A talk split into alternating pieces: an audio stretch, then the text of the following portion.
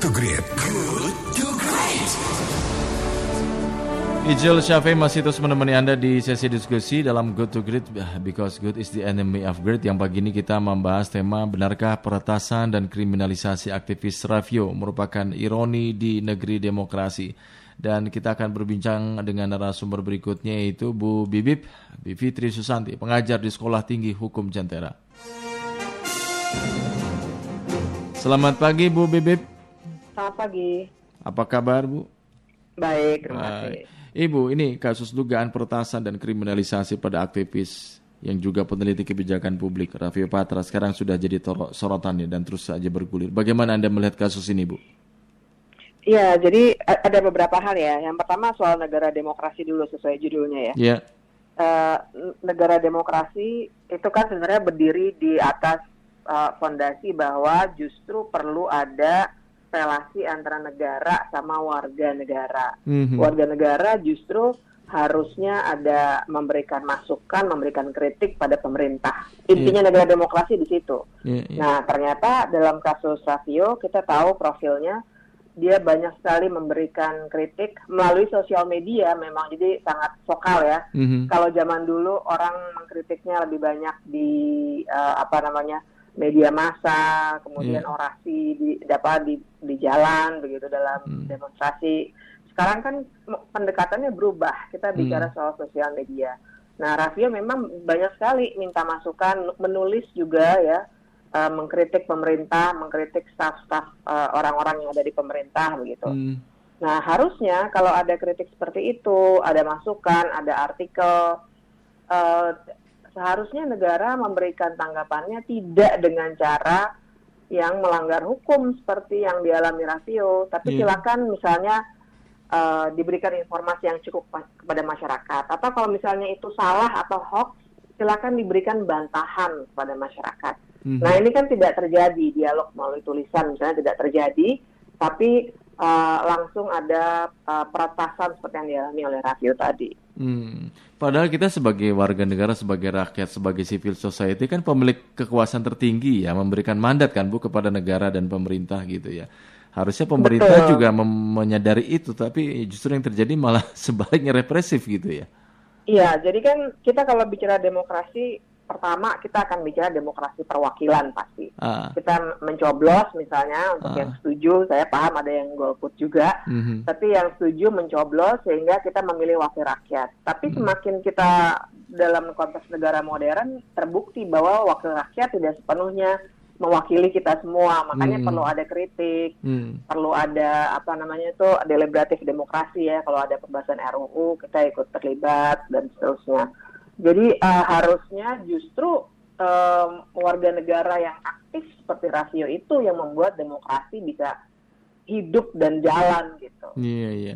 Nah, kalau mencermati kasus peretasan dan kriminalisasi Raffio terhadap Raffio ya, aktivis Raffio dan aksi represif eh, aparat kepolisian di tengah pandemi corona sekarang ini, apakah Anda sependapat kalau ini menunjukkan ya jadi ironi lah ya di negeri demokrasi gitu, Bu?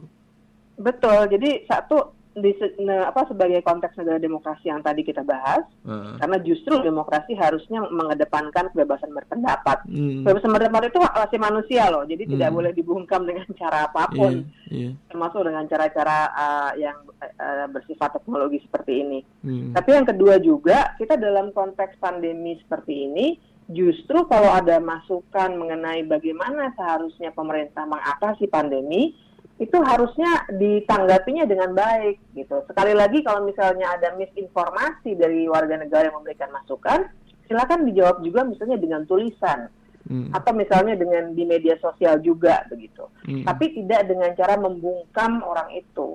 Hmm. Kita kan harus melihat konteks eh, kita tidak bisa melihat ini sebagai penegakan hukum biasa ya. Yang terjadi ini adalah sebenarnya eh, membuat orang eh, takut untuk berbicara. Nah, bahayanya saya kita harus bicara jangka panjang nih. Kita tidak kita tidak sedang membela seorang rasio. Yang kita bela adalah hak kebebasan berpendapat gitu. Hmm. Bahayanya kalau orang seperti rasio kita diamkan saja apa eh, pembukaman seperti ini, ke depannya banyak orang yang menjadi takut untuk berpendapat.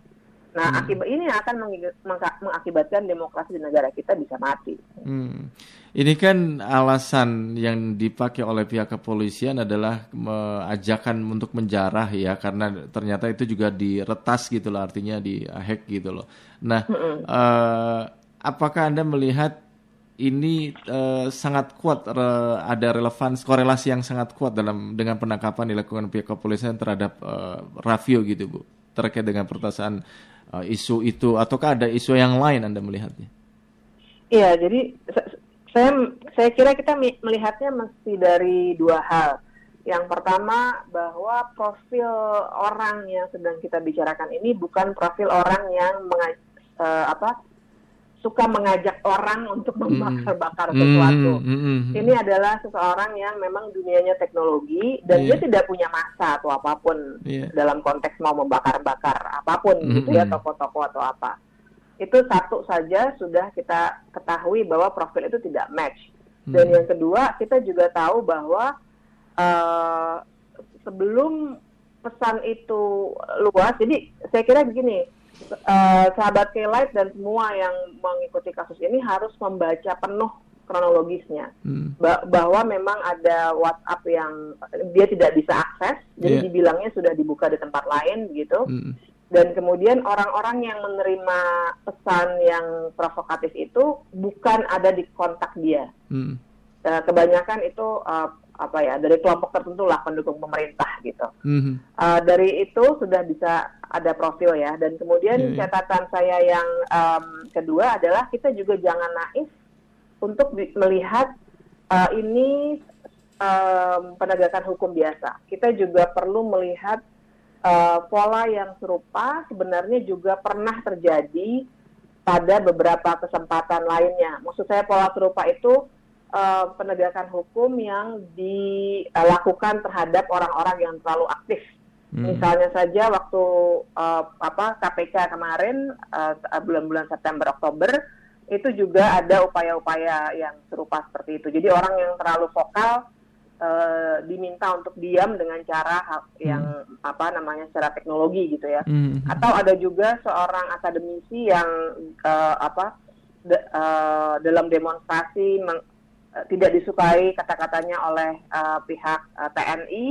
Hmm. Nah, kemudian dia juga uh, dibawa ke ranah penegakan hukum begitu. Hmm. Nah, jadi kan ada pola-pola yang sebenarnya sudah bisa terbaca. Jadi tidak bisa juga kita uh, naif untuk bilang ya memang salah sendiri kenapa mengirim WhatsApp seperti itu hmm. gitu. Hmm. Kita harus tahu dengan profil rasio yang sangat melek teknologi, dia pun sudah menulis di media sosialnya di, di Twitternya bahwa uh, WhatsApp-nya lagi dihack mulai jam berapa gitu ya. Yeah, Dan bahkan yeah. karena mereka dibantu oleh teman-teman SafeNet, mm-hmm. uh, dia bisa menghubungi WhatsApp langsung yang menyatakan memang ada peretasan gitu. Jadi mm. um, kita juga jangan jangan membaca narasi di satu sisi, tapi juga harus membaca penjelasan yang lebih uh, lengkap bahkan penjelasan dari aspek teknologi. Ya, jejak digital itu kan mudah ya Bu ya, artinya uh, mudah di trace gitu loh, kecuali memang ada yang ingin menghapus jejak itu gitu loh. Nah, ketika ini dibilang bahwa itu diretas, harusnya kan sederhana saja pihak kepolisian bisa mengungkap itu dengan cepat ya Bu ya. Betul. Nah, artinya proses hukumnya ini malah terlihat sangat lambat, ada sesuatu berarti ya.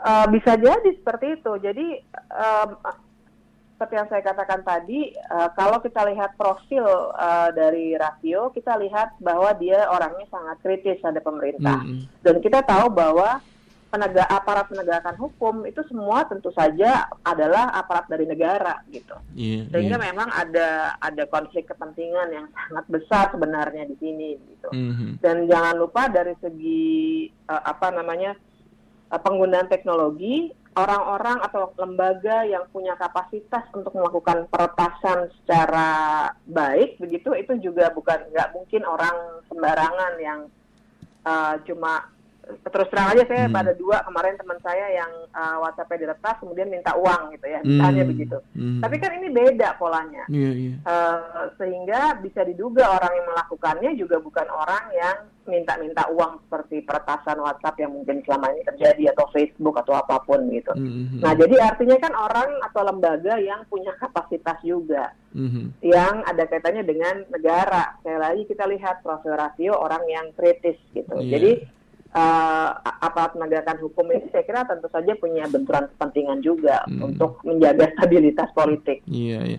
Yang terakhir Ibu Bibip, jadi di negara demokrasi seperti Indonesia, lalu bagaimana kita menyampaikan kritikan, ya eh, apa yang menjadi pemikiran kita untuk sebuah perbaikan eh, yang kita berikan kepada pemerintah tentu saja. Mengingat wakil rakyat pun terlihat malah tumpul sekarang di ketika eh, legislatif ya anggota dewan di beberapa negara justru kompak melawan corona, di kita justru masih saja berbicara tentang apa eh, undang-undang tenaga kerja tadi apa ombud ombudsman law um, omnibus law gitu loh. Nah, bagaimana kita seharusnya melihat kondisi seperti ini gitu untuk menyampaikan kritikan-kritikan?